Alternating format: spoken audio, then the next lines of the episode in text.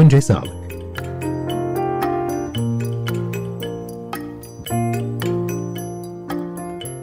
Hazırlayan ve sunanlar Ayşegül Tözeren ve Selim Badur.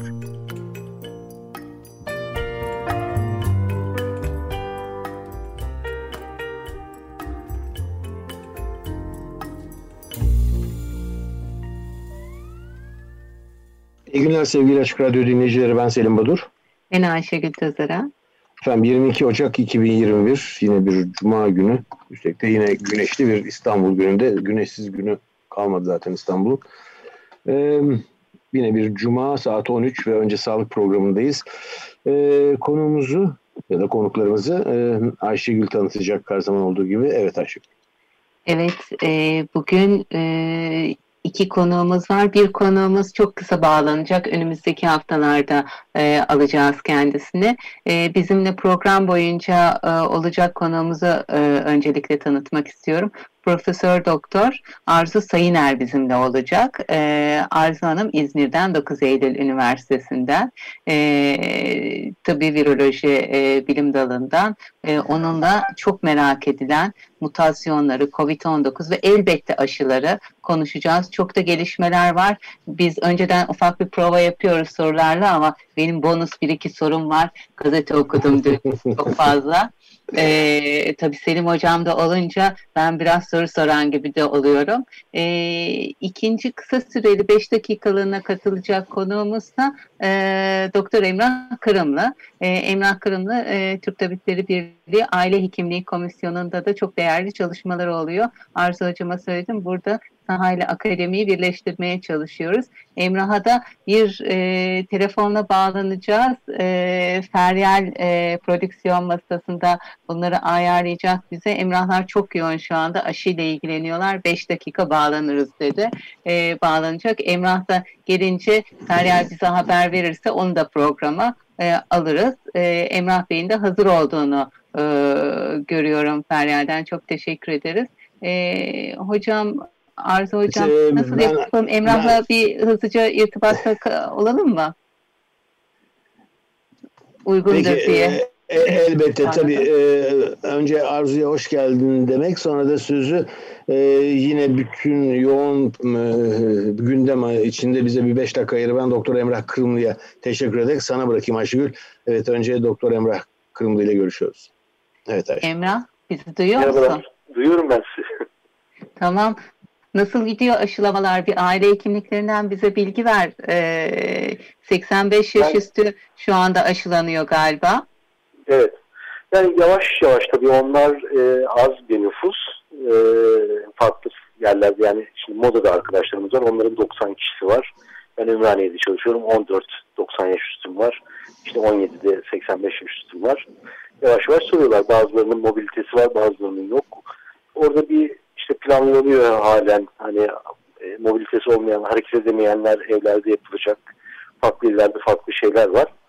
Biraz işte bu salgının başından beri hep gördüğümüz şey e, tam organize gitmiyor ama biz gelen hastamızı aşılıyoruz. Hani yaşlı olanları da ama evlerde kalanları işte bir kısmını ilçe sağlık yapacak, bir kısmını evde sağlık ekipleri yapacak.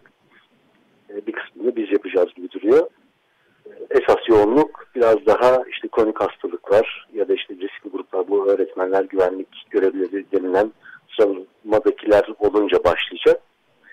Şimdi tabii şeyimiz hani aşılamayla ilgili esas derdimiz çok yoğun olarak yapıyoruz. Zaten bu okul aşıları da ertelendiği için hem geçen sene e, birinci sınıfta olanlar okulları olmadığı için bir kısmı aşılanamadı e, bu sene de okul olmadığı için yine birinci sınıflar aşılanmadı ve bir de onlar erkene çekildi. Böyle e, üç dönemin e, okul çağı aşılarını yapıyoruz biz. O da çok yoğun geçiyor. İşte bu 6-7 yaşındaki çocuklar.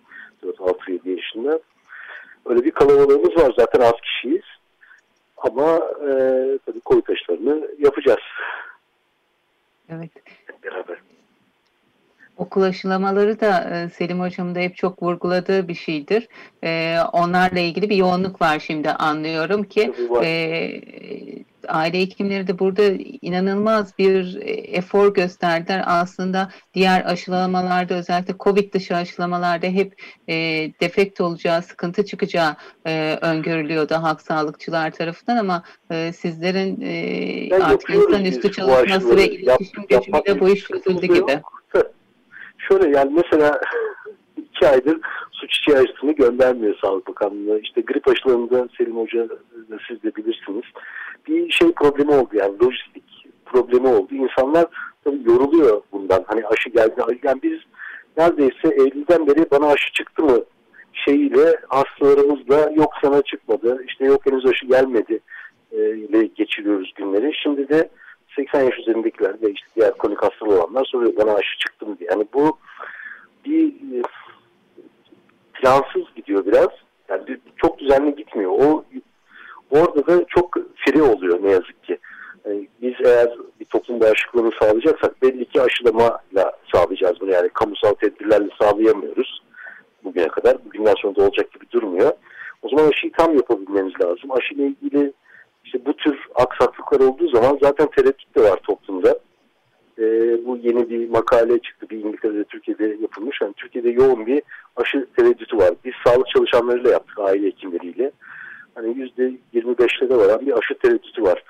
Yani bu hep bizim TTB'nin de baştan beri söylediği şeffaf bilgideki eksiklikten kaynaklanıyor.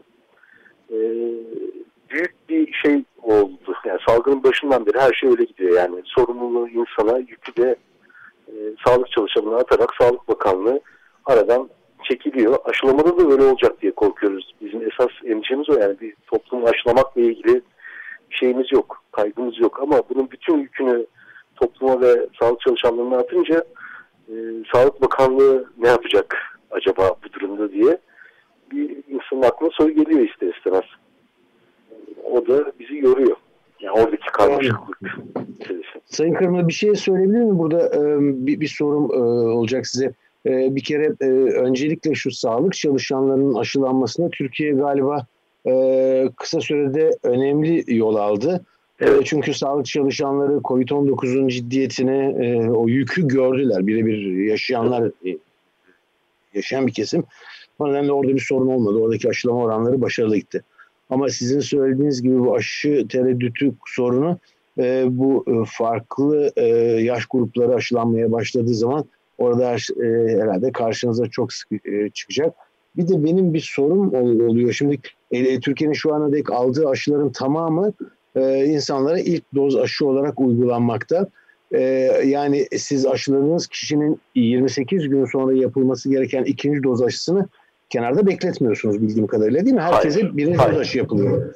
Peki e, ikinci doz aşının geleceğinden vaktinde bu kadar emin misiniz? Bunun için ne yapıyorsunuz? Ya biz Ayşegül'le dua ediyoruz sadece gelsin. Evrene mesaj yolluyoruz. yani şimdi yani grip aşısında olmadı. Zatürre aşısında yani şöyle problem oldu yani. E, hastalarımız evet. aşı olmak istediler olamadılar. Aynı şey zatürre aşısı için de geçerli. İşte biz şimdi okul çağ çocukların su çiçeği de var o şeyin içinde. Karma aşıyla kızamıkla beraber. E, su çiçeği aşısı yok. Şimdi e, tamam su çiçeği çok şey bir hastalık değil ama bir kişiyi bir çocuğu iki kere çağırmanız gibi bir iş başlıyor bu sefer. E, onlar da yani zaten e, insanlar sağlık kurumlarına gelmek istemiyorlar. Hani gelmişken aşısını yapmak istiyoruz biz doğal olarak. Yani herkes hazır, hasta evet. hazır, ben hazırım. Aşı yok. Yani Covid'de de geriye dönüp bakınca Covid aşısında da bunun olmayacağını dair bir emare göremiyoruz. Ne yazık. Yani 50 milyon aşı gelecek diye anladık yani orada artık şeyiz ama 50 milyon aşı yetmeyecek. O zaman da acaba şunu öncem yani grip aşısında olduğu gibi bu işi sürüncemede bırakıp yani bir kısım aşılandı biz aşıyı getirdik işte olan olduğu olmayanın kendi sorunu diye aradan Sağlık Bakanlığı'na çıkıp e, bize mi bırakacak mesela? Çünkü hastalarımız bize soruyorlar. Benim işte grip aşım geldi mi? Ben olamadım bu sene grip aşısı. İşte ben zatürre aşısı olacaktım. Olamadım bu sene. Ya da işte çocukların su çiçeği aşısı meselesi. Yani biz sürekli hastaların şeyiyle e, sıkıntılarıyla bizim sıkıntılarımız birleşmiş durumda. E, ama bu işi yapması gereken esas kurum hiç konuşmuyor.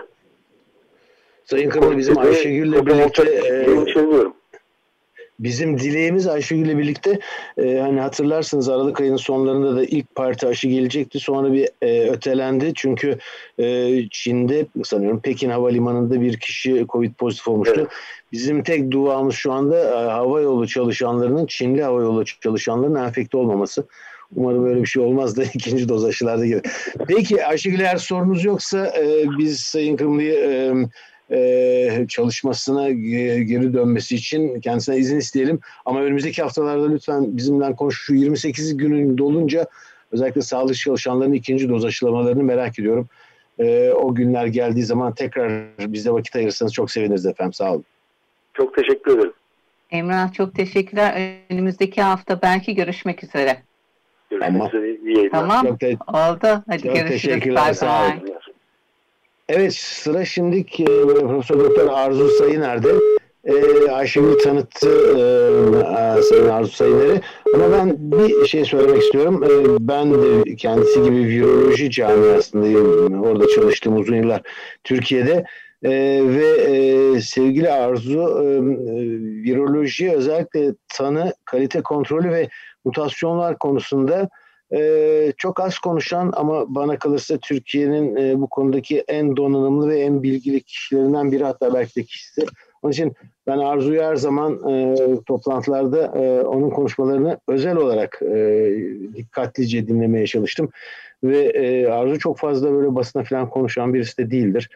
E, bizi kırmayıp vakit ayırdığı için çok e, mutluyuz. E, tekrar hoş geldin Arzu sağ ol. Teşekkür ederim. E, sizlerle olmak çok büyük mutluluk mutluluk. Senelerdir dinlediğim bir programa konuk olmak çok onurlandırıcı aynı zamanda. Davetiniz için çok teşekkür ederim. Hepimize rol model olmuş bir hocanın programına katılmak ayrıca. E, Ay Arzu, e, tamam program bitti hadi gidelim. Şimdiki şaka bir yana gerçekten İzmir'den de Açık Radyo dinler olmanız bizi çok mutlu ediyor. Sağ olun. Ee, evet e, biraz önce de söyledim viroloji konusundaki en yetkin kişilerden birisidir. Ee, yıllardan beri o kalite kontrolünü Türkiye'de e, ilk uygulayan, uygulatan kişi ve mutasyonlar konusunda Arzu'nun söyleyecekleri çok önemli, çok doğrudur.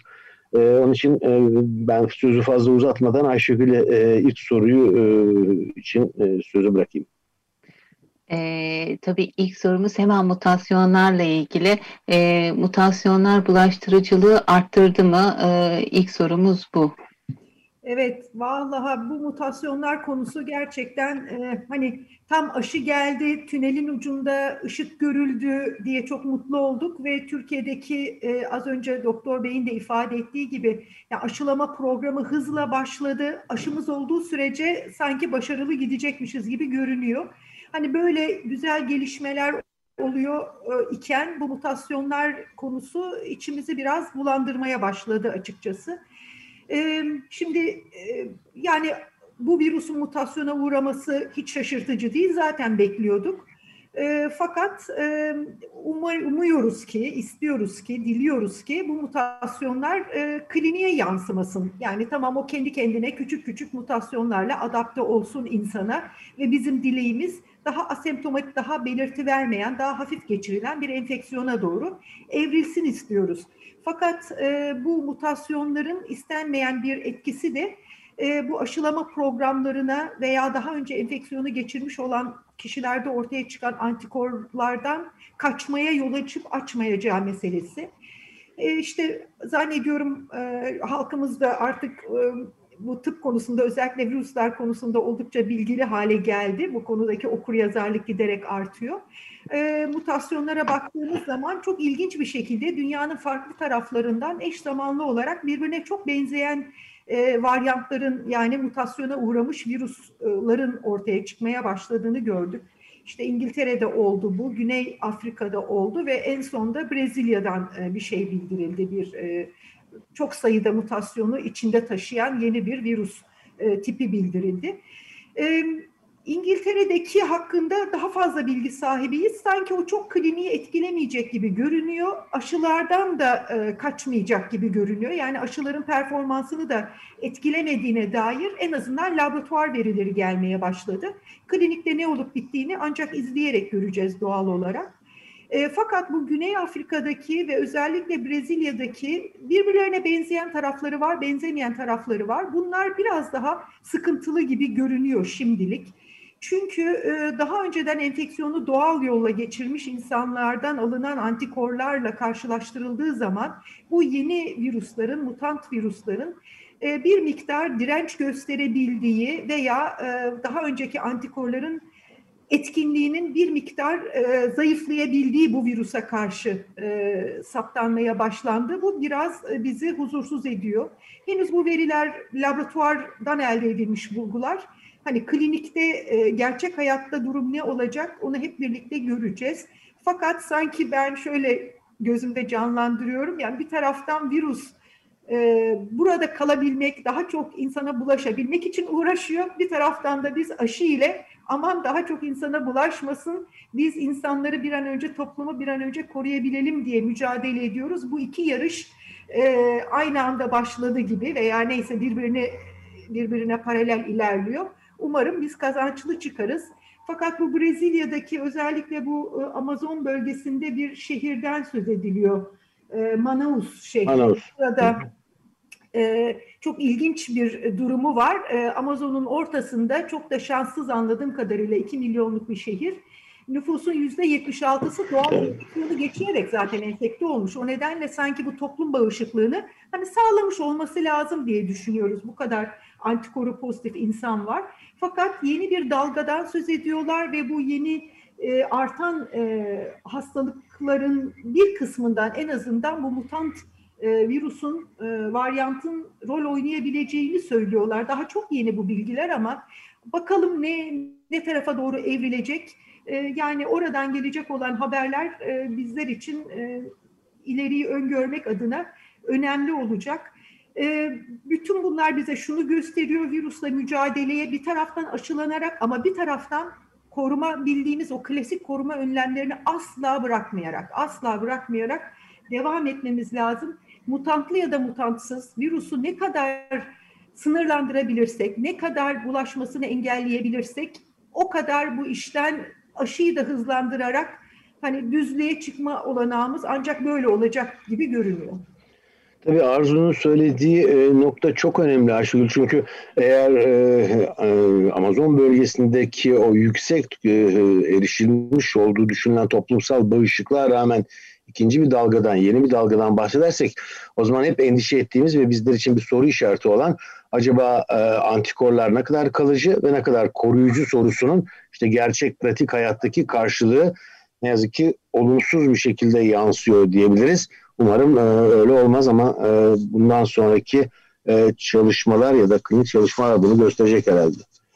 Evet Ayşegül, ulaştırıcı artış olduğunu dedin. E, değişik değişik bilgiler edindim. E, bir de benim e, merak ettiğim bir şey oluyor. E, Türkiye'ye bakıyorum, genel e, halkın da yaklaşımına bakıyorum. Biraz daha sayılarımız düştü, biraz daha hastaneler ferahladı diye düşünülüyor. Biraz daha hani kısıtlamaların e, daha azalmasında e, hep daha olumlu bakıyoruz şu anda. E, hekim olmasam belki benim de içimden geçen bu olacak. E, fakat Avrupa tarafına baktığımızda e, kısıtlamalar konusunda hiç bu kadar ferahlayıcı bir düşünceleri yok. E, bu farklılığın nedeni nedir acaba? Biz çok mu iyi kontrol altına alıyoruz? Onlar başka bir şey mi görüyorlar? Bu sorunun ardından hemen hızlı bir soru daha soracağım. Ama anlayamadığım şeylerden biri o. Bu yaklaşım farklılığımızın nedeni ne acaba? Evet, e, yani çok haklısınız. Gerçekten şu anda Türkiye'de bu Aralık ortasından itibaren sayılarda belirgin bir düşme oldu. Biz kendi hastanemizde de aynı şeyi görüyoruz günlük gelen test sayımız da çok azaldı. E, pozitiflik oranlarımız da çok azaldı. İzmir'de test yapılan kişilerdeki pozitiflik oranı yüzde onun altına düştü. Bu yani uzun zamandır yüzde kırklara çıkmıştık.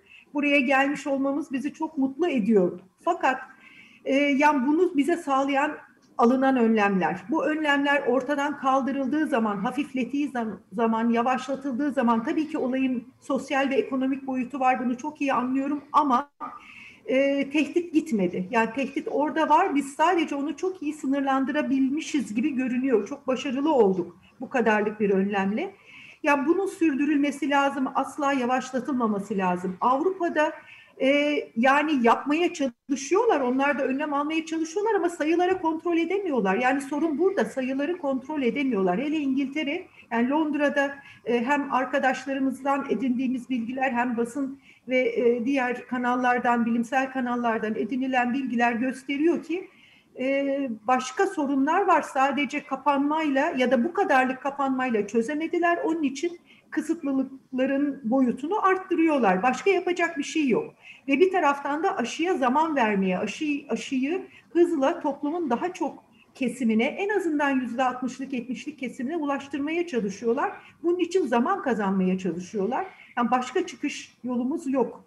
Ee, bunun altında yatan bu yeni suç en azından İngiltere için herhalde bunun rolü var. Ee, Londra ve etrafında ve o bölgede daha güney e, İngiltere'de e, bu suçun, bu varyantın e, çok daha fazla bulaştırıcılığa yol açtığı, hücrelere daha iyi tutunduğu, daha çok ürediği, daha kolay ürediği, hastalığı kötüleştirmese de, kliniğini ağırlaştırmasa da daha kolay bulaşabildiğini söylüyorlar ve bunun şeyde de görüyoruz. Yani toplumdan izole edilen virüsleri inceledikleri zaman bu varyantın oranı giderek yükseliyor. E, bu da gösteriyor ki bir süre sonra bu topluma hakim hale geçecek. Ve belli ki bu e, ortaya çıkan değişiklikler virüse avantaj sağlıyor. Diğerine göre bu daha çok yayılıyor, daha kolay yayılıyor. Hastalığı ağırlaştırmasa da. Bütün ülkelerde bu mu var ondan çok emin değilim. Yani bazı ülkelerde veri var, bazı ülkelerde veriler çok kısıtlı. Onun için hani şu anda hepsinin altında bu yatıyor diyemeyeceğiz. Ama İngiltere'dekinin bu olduğunu zaten e, oradaki bilim insanları da söylüyorlar. Peki Arzu biz e, daha önce de e, sen de fark etmişsindir bu önce sağlık programında müzik araları veriyoruz. E, bir şimdi bir parça dinleyeceğiz e, ama daha sonra belki bu mutasyonlar neden oluyor? E, kimlerde saptanıyor? İstersen ona bir bakalım. Bir de Türkiye'de bu varyantlar aranıyor mu? Belki o konuda da bizi bilgilendirirsin. Ama bu parça ilgini çekecek diye düşünüyorum. Çünkü dinleyeceğimiz parçayı senin için seçtik. Rosanna Puccia isimli birisi söyleyecek. Şimdi Rosanna Puccia e, şarkıcı falan değil. Kendisi doktor. Brezilya'da São Paulo e, Tıp Fakültesi'nde immünolog.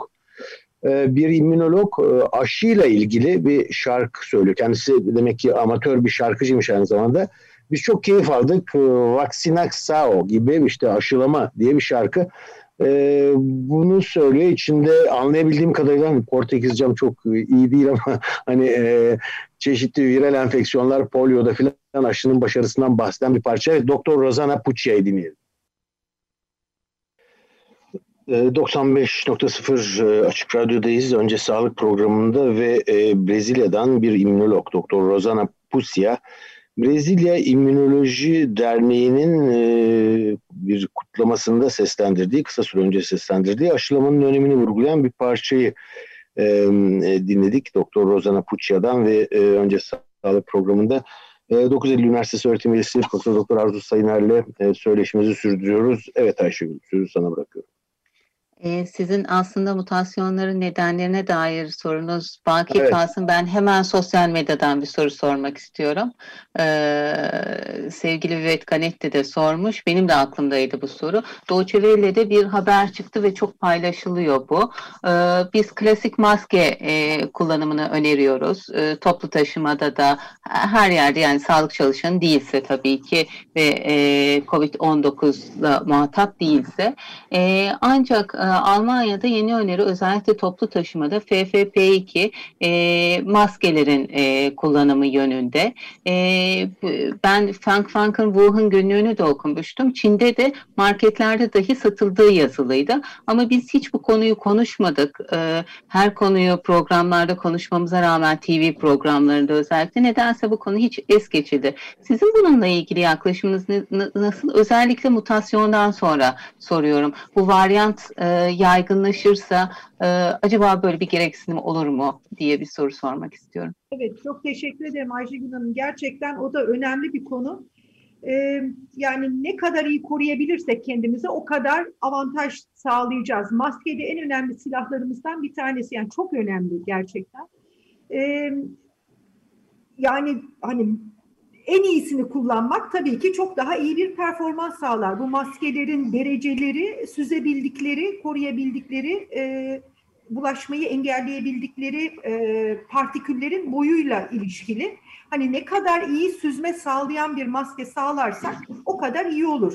Burada önemli olan e, en kaliteli maskeyi ucuza alabilmek, çok gereksiz masraflara yol açmamak ve sağlık sektörünü de yıpratacak tarzda onların kullanacağı tip maskeleri e, maskelerde bir e, sıkıntı yaratacak boyutta bir kullanıma yol açmamak. Sıkıntı oydu. Yoksa herkes en maksimum korumayı sağlayan maskeyi kullansa tabii şahane olur, daha iyi olur. Ne kadar iyi korunursak o kadar iyi.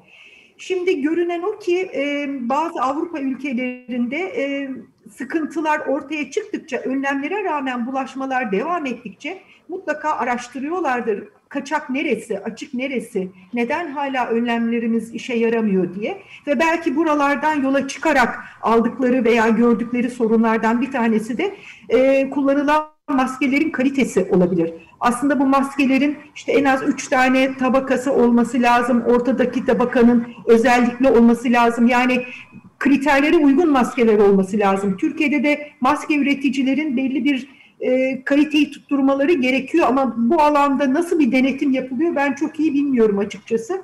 E, denetimin yapılmadığı yerde de e, insanlar aldıkları mal, malın kalitesini nasıl kontrol edecekler onu bilemiyorum.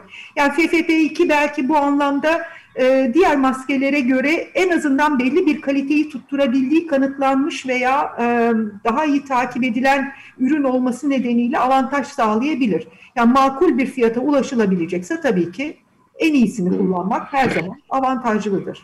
Olmadığı yerde belki iki maskeyi üst üste takmak, yani ben bazen öyle de yapıyorum. Çift maskeyi üst üste takıyorum. Ee, ya da işte aldığınız maskenin bir tanesini hiç değilse kesip içine bakmak, e, güvendiğiniz bir yerden almak, e, belki sağlık personeline danışarak almak. Yani bunlar da yollar olabilir. Yani keşke denetimler daha düzgün yürüse ama çok düzgün bir denetim yapılmadığının da farkındayım açıkçası. Ayşegül bildiğim kadarıyla arzu diledikten sonra Sayın Kanetti herhalde o e, plastik bariyerinin altına e, olmadık maskeleri takacaktır. Biz e, sevgili Vivet Kanetti'yi maskeleriyle baş başa bırakıp şu mutasyon işine bir dönelim. E, evet Arzu ne zaman ve nerede olur bu mutasyon? Bu bir RNA virüsü. E, dediğin gibi hiç şaşırtıcı değil. Hatta e, şu açıdan ben şaşırmıştım. Ben daha fazla ve daha radikal mutasyonlar beklerken e, çok da mutasyona uğramadı. E, biraz nasıl, e, neden mutasyona uğrar ve kimlerde saptandı? Biraz onlardan bahseder misiniz?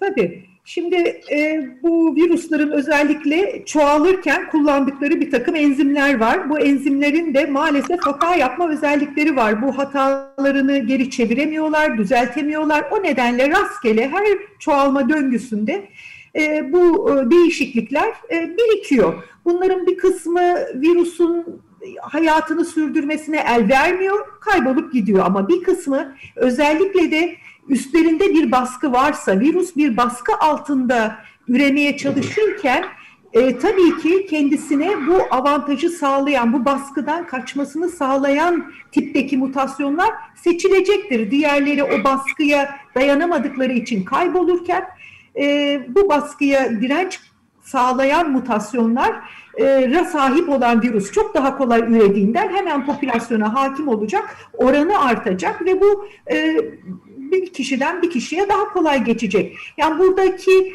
e, sıkıntılardan bir tanesi tabii ki bu baskı. Yani üzerinde baskı varken virüsün ürememesi lazım. Yani kurduğumuz baskının mükemmel olması lazım ki o baskı altında üremeye kalkmasın. Ürediği zaman mutlaka seçilecektir. Bu mutasyonlar, avantaj sağlayanlar seçilecektir. Özellikle immün süpresi hastalar zaten bağışık yanıtı çok zor e, ve çok kısıtlı olan ve tam da bir kontrol sağlayamayan bireyler. E, ya da yani tabii çok az görüyoruz ama bu reenfeksiyonlar belki şimdi aşıyla beraber e, bu tekrar gündeme gelecek, maalesef gündeme gelecek. Bir aşı ne kadar iyi koruyuculuk sağlayabilirse o kadar virüsün üremesini üzerinde baskı e, kurucu, daha başarılı olacaktır. Ama bazı aşılar maalesef görünüyor. E, performanslarına baktığımız zaman yayınlanan performanslarına %95 e, koruyuculuk sağlayan da var. Yüzde yetmiş, yüzde altmış, yüzde elli koruyuculuk sağlayan da var. Her türlü korunma tabii ki şahane. Yani sıfırdan kat kat iyi. Onun için ne bulursak ona razıyız. Ama e, karşılaştırırsak alternatifleri birinde yüzde 95, öbüründe yüzde 70, 60 neyse. E, şimdi bu yüzde 70-60'ın e, bu işi e, korumadaki performansı ile ilgili bir sıkıntı olduğu ortada. Ha bu sıkıntı e, hasta olmayı engelleyecek kadar bir performans sağlıyor olabilir şahane. Yani biz zaten hasta olmak istemiyoruz. Yoğun bakıma düşmek istemiyoruz. Bunu sağlayabilir ne güzel. Ama e, aşılandığım halde bende virüsün üremesine tamamen engel olamayabilir. O zaman da bende eğer virüs de varsa, aşı da olduysa hem aşıdan gelen antikorlarım var hem de bu antikorlarıma rağmen e, benim hücrelerimde üremeye çalışan bir virüs var. Bende bu mutasyonların ortaya çıkma ihtimali çok daha yüksek olacaktır. Böyle bir risk var. Evet yani aşılananlarda e, bu baskıdan bahsettiğin için aşının oluşturacağı doğal enfeksiyonlar sonucu oluşan antikorların neden olduğu baskı ve oradan kaçan mutantların ortaya çıkması e, biraz ürkütücü gelebilir dinleyicilerimiz ama böyle bir gerçek var. Ve bahsettiğim gibi özellikle e, bu İngiltere'deki e, varyantın hani immünosüpresi hastalarda daha uzun soluklu bir enfeksiyon geçirirken o geçen sürede ortaya çıktı da galiba saptandı. Ayşegül var mı bir sorun sosyal medyadan gelen? Çünkü Ayşegül bizim programın sosyal medyacısı. Ben asosyal birisi olarak o bölümü takip etmiyorum. evet. E, sosyal medyadan değil benden bir soru var. Biz bu kadar aşıları konuşuyoruz. Aşıları elbette ki konuşalım. Ama neden hiç antiviral ilaçları konuşmuyoruz? Hmm. E, antiviral ilaçlarla ilgili bir gelişme yok mu? Yani bu kadar aşıyla ilgili bir anda gelişmeler oluyor. E, antiviralle ilgili olmuyor mu? Neden acaba? Evet, yani çok haklısınız. Hani ilk başta biz de o anlamda en azından var olan antiviralleri bir ikisinin burada da işe yarayabileceğini ummuştuk. Ee, biraz daha etkili olanlar var fakat elimizde şu anda dört dörtlük etkili bir ilacımız maalesef hala yok. İlaç geliştirmek görünen o ki günümüzde aşı geliştirmekten daha zor. Daha uzun e, araştırmalar gerekiyor, daha çok yatırım gerekiyor. Ee, e, yani şu anda var yeni moleküller ya her gün bir iki yayın geliyor, yeni bir molekül bulundu e, diye fakat bunların hastalarda kullanılabilir hale gelmesi için çalışmalar lazım. Belli basamaklardan geçmesi lazım ve onu o, o süreci e, e, aşıdaki gibi hızlandırmak çok mümkün olmuyor görünen o ki. Maalesef dediğiniz doğru orada bir açığımız var. E, çok etkili ilacımız yok. Bir de sanıyorum ilk saptanan mutasyonlardan bir tanesi bu antivirallerin e, hedef aldığı bölgeye ait bir mutasyondu değil mi? Daha antiviral ortaya çıkmadan hani virüs e, sanki kendi direncini şimdiden oluşturmuş gibiydi. Bu da e, mikrobiyoloji e, dünyasının e, tuhaflığı ya da ürkütücülüğü herhalde değil mi Arzu? Doğru, doğru. Bu arada bir bilgi, e, bir dinleyicimiz e, Portekizce biliyormuş ve biraz önce Doktor Rosana Puccia'dan dinlediğimiz parçanın sözlerini kısaca bize e, e, çevirip göndermiş. Parçada aşılamanın ne kadar faydalı olduğu, kendimizi korumamız gerektiğinden, aşılamanın bütün toplumda uygulanması gerektiğine ve umutlarımızı yüksek tutmamız gerektiğinden bahsediyormuş. Kendilerine çok teşekkür ediyoruz bu uyarlılıkları ve katkıları için. Sağ olsunlar. Evet e, durdunuz bakıyorum yani bu aşı öncesi antikor testi yaptıracağız mı? Ee, evet bunlar benim e, şeylerim hep meraklarım. Valla benim de çok merakım ve bize de çok soruluyor bu soru açıkçası. Evet. Şu şöyle bir gerçek var yani antikor testleri tabii çok kıymetli fakat e, aşı öncesi halka antikorunuzu baktırın demiyoruz. Bunu biz de demiyoruz. Dünya Sağlık Örgütü de önermiyor. Hiçbir yer önermiyor. Zaten bunun yapılması pratikte pek de mümkün değil. Yani bir işin bu boyutu var. Gerekli mi? Değil. Neden değil? Çünkü antikorunuz varsa bile aşı olmanızın çok büyük bir soruna yol açmayacağını düşünüyoruz. En azından şu ana kadar e, kaç milyon oldu e, dünyada aşılanan insan sayısı? 40 milyonu geçti galiba. Geçti galiba. Evet. Sadece Türkiye'de 1 milyon 120 bin falan evet. olmuşuz. 1.2 evet. milyon gibi olmuşuz. Yani görünen o ki antikor bakmadan yapılan aşılamanın bir zararı yok. Yani çok ciddi evet. bir zararı yok. E o zaman niye böyle bir e, gereksiz bir adım gideceksiniz, kan vereceksiniz, bir masraf olacak, laboratuvarlar yetecek mi, yetmeyecek mi, test yapılma aşamasında PCR testinde yaşadığımız sıkıntılar şimdi bir de antikor testiyle yaşanacak. Üstelik de ne kadar gerekli olduğu şüpheli. Tabii o, o son son noktaya çok katılıyorum. Bir de yaptırdınız da sonucu pozitif ya da negatif. Çünkü ne işe yarayacak? Ne işe yarayacak? Çok sorulmalı tabii. Aynen öyle. Belki çok özel insanlarda olabilir. Evet. Yani e, çok ciddi bir alerjik reaksiyonu var. Aşı olmasıyla ilgili çok ciddi sıkıntılar var. Geçirilmiş nörolojik bir takım aşıya bağlı olduğu kanıtlanmış Tabii. hastalıkları var. Hani bu tür insanlar aşılanma konusunda e, çok tereddütlü olan kişiler belki antikorlarına baktırarak hani ne kadar korundukları hakkında bir miktar kesin olmasa da bir bilgi elde edebilir. Evet. Antikorlarla ilgili bir başka sorun da piyasada çok fazla ticari test var. Bunların baktıkları antikorlar birbirinden farklı. Ben size kendi öykümü anlatayım. Ben faz 3 çalışmaya katılmış bir insandım. Aşımı oldum ve aşı kolunda olduğum bilgisi de bana geldi. Fakat önce bir ne antikoru baktıran testle bakıldım. Negatif çıktı. S antijenini kullanan testle bakıldım. Negatif çıktı ve ben ortada kaldım. Yani ben aşı olduğumu da biliyorum. Hani antikorum gerçekten oluşmadı mı yoksa kullandığım testlerde mi bir sorun var?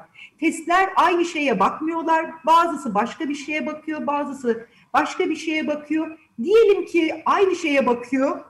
Ee, o zaman verdikleri sonuçlar birbiriyle tutarlı değil. Bir tanesi 3 diyor. Yani o 3'ün ne olduğu da belli değil. Hani eşit değerin 3 katı mı demek istiyor veya firma, üreten firma kendince bir ünite belirlemiş ona göre mi söylüyor? Hani 3 nedir? Başka bir testte saptanan 50 nedir? Bu ikisi birbiriyle nasıl karşılaştırılır?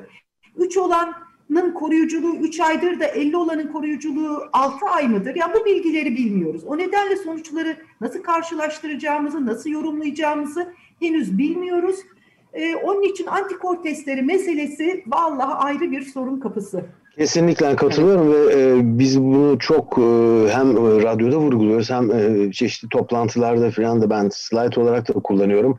E, farklı özel hastane ve özel laboratuvarların işte PCR testiyle elemanlarınızı taratın, antikorunuza baktırın. Hatta şimdi bir de hastalığa duyarlı mısınız, dirençli misiniz, genetik testleriniz diye. Bunların hepsinin birer para tuzağı oldu ve bilimsel olarak hiçbirinin bilmiyorum Arzu katılır mısın ama hiçbirinin gerçekten bir anlam ifade etmediğini vurgulamak lazım. Yazık yani insanlar e, hem boşu boşuna para veriyorlar hem vakit ayırıyorlar hem de hepsinden önemlisi yanlış yönlendiriliyorlar ve yanlış bir şeye inanıyorlar. Yani antikorum varsa eğer koruyucuyum diyor. E, emin misin koruyucu olduğundan? E, benim işte 8 ünite antikorum varmış ya da 1 bölü 8 pozitifmişim. Peki bu yeterli mi? Bunları daha bilmiyoruz. Siz böyle lütfen boşu boşuna paranızı verip öyle PCR testi, antikor testi hani düşünmeyin ve yaptırmayın. Hele bu beni en çok sevdiğim e, bu e, duyarlı mısınız, dirençli misiniz? Yani bu, bu da çok hoş. Bilmiyorum İzmir'de de var mı? İstanbul'da çok yaygınız biz bu konuda. Yani tabii İstanbul'dan gelen e, şeyleri duydukça yani biz İzmir'de çok korunmuş bir bölgede yaşıyoruz. burası dersadet burası yani tabii her şey olur burada e, bu arada yine sosyal medyadan bir e, mesajımız var. E, diyorlar ki maskelere bakmak için ürün takip sistemi var. Ürün takip sistemindeki barkodtan okutun. Biz hekimler öyle yapıyoruz diyorlar. Ama antikor e, antikor tetkikleriyle ilgili böyle bir kontrol yok maalesef diyorlar. e, evet İstanbul çok değişik. E, İstanbul'da e, Arzu Hocam e, hemen bir e, malumat furuşluk da yapayım. Şimdi bir de fonksiyonel tıp diye yeni muayenehaneler çıktı. Bağdat Caddesi'nde falan bol bol görüyorsunuz.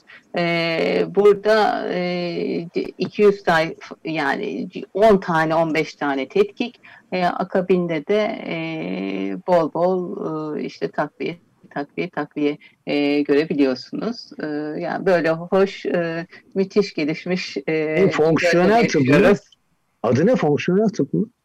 Ay evet hocam ben size anlatayım onu. Tabii bu sonradan ne oluyor? Katkı maddeleri, besin maddeleri falan mı veriliyor? Yani e, immün sisteminizi güçlendirin diye mi? E, hocam bu konuda gelişiminizi sağlayacağım. Tamam. Ha, çünkü Arzu biz Ayşegül'le konuşuyoruz. Ben hani kızım e, e, kısmen de olsa uzun yıllar viroloji, e, immünolojiyle de ilgilenmiştim. E, ve e, immün sistemi böyle güçlendiren herhangi bir ot, bir bitki, bir meyve, bir falan bunu ben bir türlü göremedim, bulamadım laboratuvarda da. Hani bunları e, hücrelerin yanına koyduğumuz zaman o hücrelerin ne gücü artıyor ne sayısı artıyordu. Pek etkilenmiyorlardı. Ama e, bu tip e, paramedikal, alternatif tıp dedikleri yani tıbbın e, Hocam bunlarla ilgili kitaplar olmuş? yazılıyor şimdi. Böyle billboardlarda e, şey şey çarşaf çarşaf. Peki. Arada ben anlatayım bunları. Tamam peki yok başka müzik arası vermeyeceğiz. Arzu'yu bir daha ben tamam. bulamam. Onun için e, başka müzik arası yoksa onda bir parça dinleriz. Bu e, pandemi nasıl sonlanır Arzu? Ne diyorsun? Pandemi nasıl sonlanır? Yani aşılayacağız e, ve de e, mutasyonların ortaya çıkmasını minimuma indirecek önlemleri alacağız. Aşıyla da e, bizim kullandığımız aşı için konuşacak olursak avantajları da var. Bir takım e, dezavantajları da varmış gibi görünüyor ama yani avantajları kesinlikle daha fazla. Herhalde bizim Türkiye'de bu aşıyla gidecek olursak e, yüzde 60 falan da yetmeyecek. Yüzde 90'lara falan görmemiz lazım herhalde. Ancak öyle olunca hani ben aşılıyım, antikorum da var, bana bir şey olmayacak. Hı. Ama karşımdaki insanın da aşılı olması ve korunması lazım ki bana kazara gelen virüs, çünkü ben benim e, solunum sistemimde, özellikle ağzımda, burnumda, boğazımda virüsü tamamen engelleyemeyeceğimi öğrenmiş vaziyetteyim. Yani hasta olmayacağım ama birkaç günde olsa virüsü saçmaya devam edebilirim. O zaman ben karşımdaki için bir risk oluşturmaya devam edebilirim. Ne zaman bu risk sıfırlanır? Karşımdaki de korunursa. Ee, ve ben e, karşımdakine bir şey yapmayayım diye maske kullanmaya devam edersem ta ki o yüzde işte 80'leri 90'ları artık e, nasıl hesaplanacaksa e, o şekilde o oranları bulana kadar. Aksi takdirde e, ya bu zincirin sonu gelmeyecek gibi görünüyor. Evet. Ee, ya doğal enfeksiyonu geçireceğiz ya aşılanacağız. Hepimizde antikor oluşacak. Hepimizde antikor oluştuktan sonra artık kimse ölümcül enfeksiyona sahip olmayacağı için belki enfeksiyonda basit bir üst solunum yolu hastaları evet. öldürmeyen, e, hastaneye düşürmeyen bir formata döner. O zaman bir nezle gibi onu da o şekilde atlatır hale gelebiliriz. Bir de bütün bu faz 3, tabii bunlar faz 3 çalışması deniyor ama hiçbirisinin faz 3 çalışması bitmedi. Çok daha sonra bitecektir. Ee, yani e, mRNA aşılarının olsun, vektör aşılarının olsun ya da inaktif aşıların. Ama ön raporlarında gördüğümüz o %94-95'lik etkinlikler e, gerçek dünya verilerinde biraz azalacaktır herhalde. E, aynı zamanda bir de toplumda yüzde yüzünün aşılanmadığını, bu aşı tereddütünün işte çeşitli nedenlerle aşılanmayacak kişileri de katarsanız e, bu iş e, uzama olasılığı e, yüksek. E, buna katılıyorum e, ve tabii bu mutasyonlar da e, izleyip göreceğiz. Yani herkes e, bu tip soruları hani aşı ne kadar korur, her sene aşılanacak mıyız? Bunların yanıtını aslında hiç bilmiyoruz değil mi Arzu? Yani bunları da bize zaman gösterecek, yaşayıp göreceğiz. Evet, evet bilmiyoruz. Belki birkaç senede bir bir rapel gibi öyle bir şey evet. belki değiştirilmiş e, yeni güncel influenza'ya dönebilir belki ki evet. uzmanlık alanınız. Yani belki Az bir de, bir model olur. Bu da tabii bu durumda e, aslında e, ya ne kadar çok bilinmeyen şey var hala. Bu bilim dünyası bu kadar çok ilerlemişti. E, hani bir şey de bilmiyorsunuz diyenlere ben genellikle aslında e, şu 2020 yılında bilimin çok önemli adımlar attı, dev adımlar attığını aşı falan konusunda söylüyorum. Evet e, bilinmeyen çok şey var, e, zaman içinde öğreneceğimiz çok şey var ama yine de e, bilimin e, çok önemli e, gelişmeleri imza attığını e, düşünüyorum. E, sen ne dersin? E, kesinlikle, burada? kesinlikle. Siz bir konuşmanızda söylemiştiniz. Yani bizim açısından, açımızdan özellikle virüslerle ilgilenen insanlar açısından çok e, heyecan verici bir dönemden. Kesinlikle. Neredeyse bir e, bilim kitabını okuyor gibiyiz. Yani aynen, her basamağını, her adımını, her müdahaleyi, tartışmaları gerçek yani bir filmin içinden geçiyor gibi. Aynen, aynen. Yani bir açıdan çok heyecan verici, bir açıdan çok öğretici. E, yani o açıdan gerçekten e, e, yani bildiklerimiz çok şey var fakat e, sadece bilmekle olmuyor. Uygulamak ayrı bir şey. Bütün dünyada uygulanması da apayrı bir şey. Evet o, o e, sözü seviyorum ben. Bilimse bilime inansanız da inanmasanız da gerçek olan şey bilimin doğru olduğudur diye böyle bir cümle var hoş. Evet programın sonuna doğru geliyoruz. Ayşegül sana bırakıyorum. Çok konuştum ben bu sefer. Ee, evet, e, ben e, tekrar aşı ne zaman oluruz diye soracaktım ama bunun e, şu anda kesin bir şekilde bilinmediği bilgisinde aldık. Son dönemde Avrupa'da da Sinovac çok yaygın değil, mRNA aşıları çok yaygın. Bunlara karşı çok ciddi aşı tereddütü oluşturacak komplo teoricilerinin açıklamaları sonuçlarını görüyoruz. İşte mRNA sizin genetik e, e, yapınızı değiştirir. E, 15 yıl sonra şu hastalığı olacağınızı biliyor musunuz? Filan gibi e, aşı tereddütü yaratan cümleleri çok sık görüyoruz. Bunların bilimsel bir altyapısının da olmadığını biliyoruz. Ve de hani şunun da farkındayız. mRNA yeni bir biyoteknoloji ve ileride belki sadece bu teknolojiyi kullanacağız. E, bu konuda bu yeni teknolojiyle ilgili neler söylemek istersiniz? Yeni biyoteknoloji yöntemiyle ilgili? Yani bizim için de yani biz de bilmiyorduk açıkçası bunun bu şekilde kullanılabileceğini bilmiyorduk ama görünce ve avantajlarını da anlayınca aslında şahane bir teknoloji. Ee, istediğiniz değişikliği yapabiliyorsunuz, çok kısa süre içinde üretebiliyorsunuz, çok daha ucuza üretebiliyorsunuz. Ee, belki bütün dünyaya yetecek aşıyı bu sayede daha kolay elde edebiliyorsunuz. Yani avantajları çok gerçekten. Bunun en önemli farkı size dışarıdan antijeni vermiyorlar da o aşının içindeki aktif formu dışarıdan hazır vermiyorlar. E, sizin kas hücrenizin içine verdikleri bir emirle e, sizin hücrelerinizde bunun e, oluşmasını sağlıyorlar. En önemli farkı bu. Ama bu burada kalıcı değil. Yani bu, bu e, verilen o aşı sizin kas hücrenizin içinde hani birkaç gün maksimum bir hafta kadar kalabiliyor sonra yok ediliyor. Yani kalan bir şey değil. O nedenle kesinlikle insan genomuna girmesi, işte e, uzun vadede başka sorunlara yol açması gibi bir sıkıntı yok. Bu alerjik reaksiyonlar, mRNA aşılarında ortaya çıkan alerjik reaksiyonlar da o verilen mRNA değil de o mRNA'nın etrafını örten, onu içeriye sokma aşamasında koruyucu kılıf olarak kullanılan o kılıftaki bir maddeye doğru, maddeden e, ortaya çıkan, ona karşı oluşan bir antijenik reaksiyon. Belki o formatlar biraz daha değiştirilir, iyileştirilir. Daha az tepki verilen e, şeyler kullanılabilir. E, ama e, yani mükemmel bir teknolojiyle karşılaştık. İnşallah bu daha da geliştirilerek daha öyle olacaktır mutlaka devam eder. Hep e, şey, bilimsel ve e, olumlu şeylerden bahsettik. E, tabii bu arada e, örneğin inaktif aşıların daha doğrusu şöyle bu ticari kuruluşlar ve bunlar arasında da ciddi bir aşı savaşları başlamış durumda. Ee, bir takım e, aşılar için e, hani gerçek dışı e, olumsuzluklar dillendiriliyor. Örneğin Brezilya'da yapılan Sinovac aşı çalışmasında etkinlik yüzde elli diyor. Bilmiyorum Arzu ne olur yanlış bir şey söylüyorsan beni düzelt.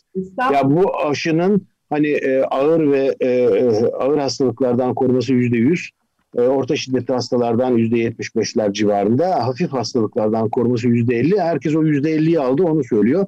Mesela biz e, mRNA aşılarının ister BioNTech olsun ister vektör aşılarının olsun ya da Moderna'sının bunların bu hafif hastalıktan koruma oranlarını ben bilmiyorum. Var mı öyle bir şey? Yok, Yok değil mi? Yani e, belki de Brezilya'da yapılan Sinovac aşısı diğer aşı çalışmalarında yapılmayan bir ayak e, gerçekleştirdi ve orada biz hafif enfeksiyonu da koruyoruz. Evet yüzde elli oranında koruyoruz ama dedi yarışlarda bunu bilmiyoruz değil mi şimdilik? Yani ben bir şey atlamış değilim yani. Hayır hayır kesinlikle çok haklısınız. Ben de çok eleştirdim. Yani bu sorular gelmeye başladı. Dönüp dönüp tekrar tekrar aynen, aynen. bir şey mi var diye o bilgi yok. Yani, yani, yani o bilgi yok.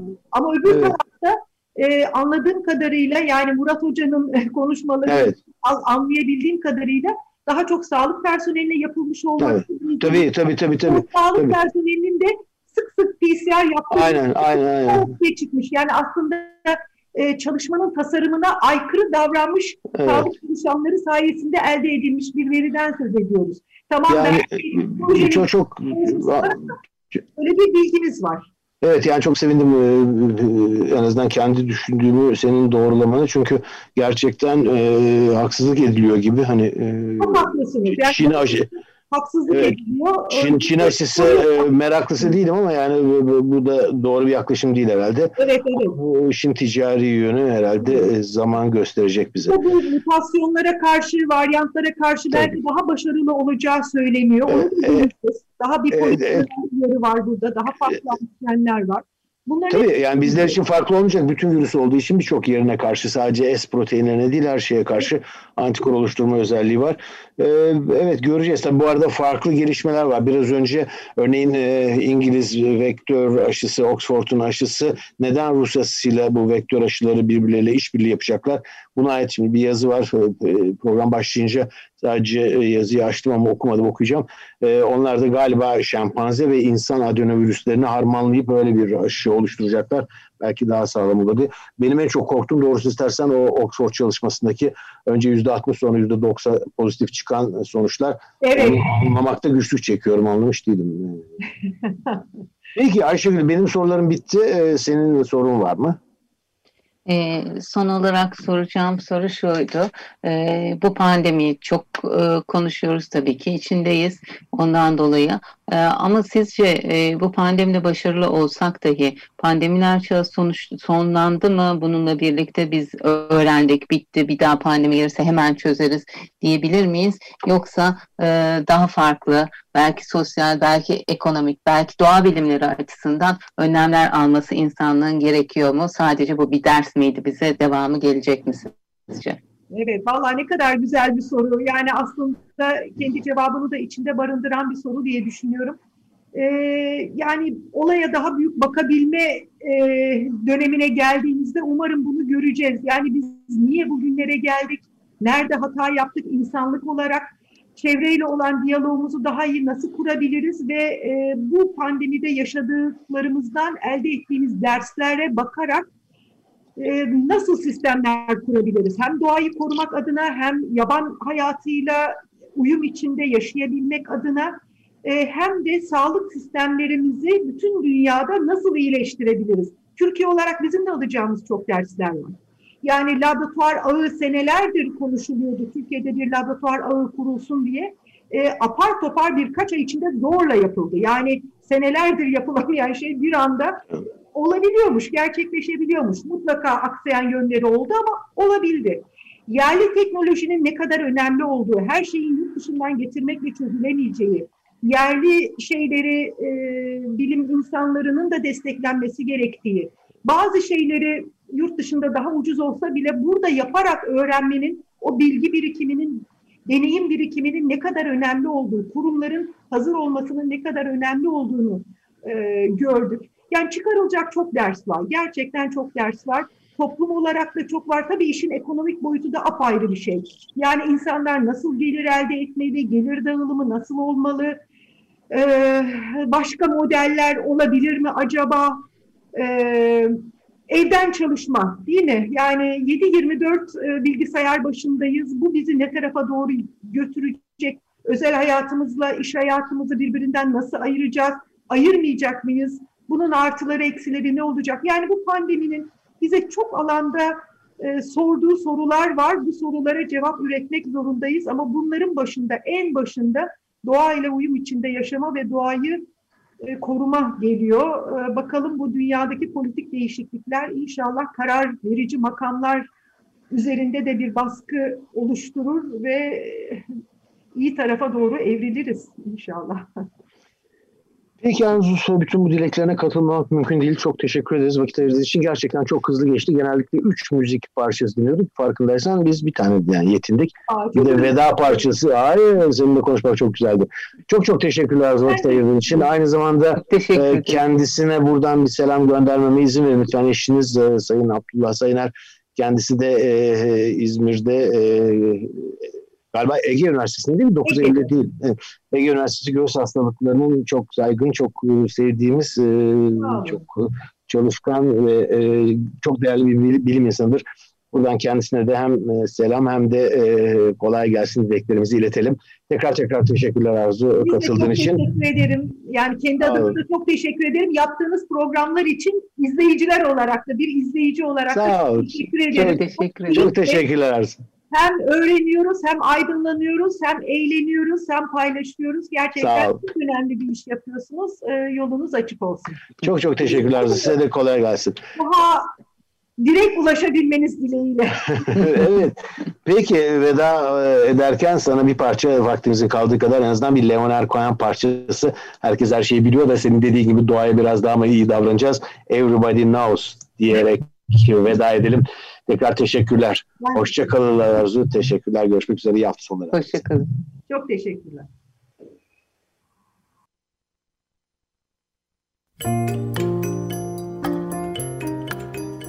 Önce sağlık.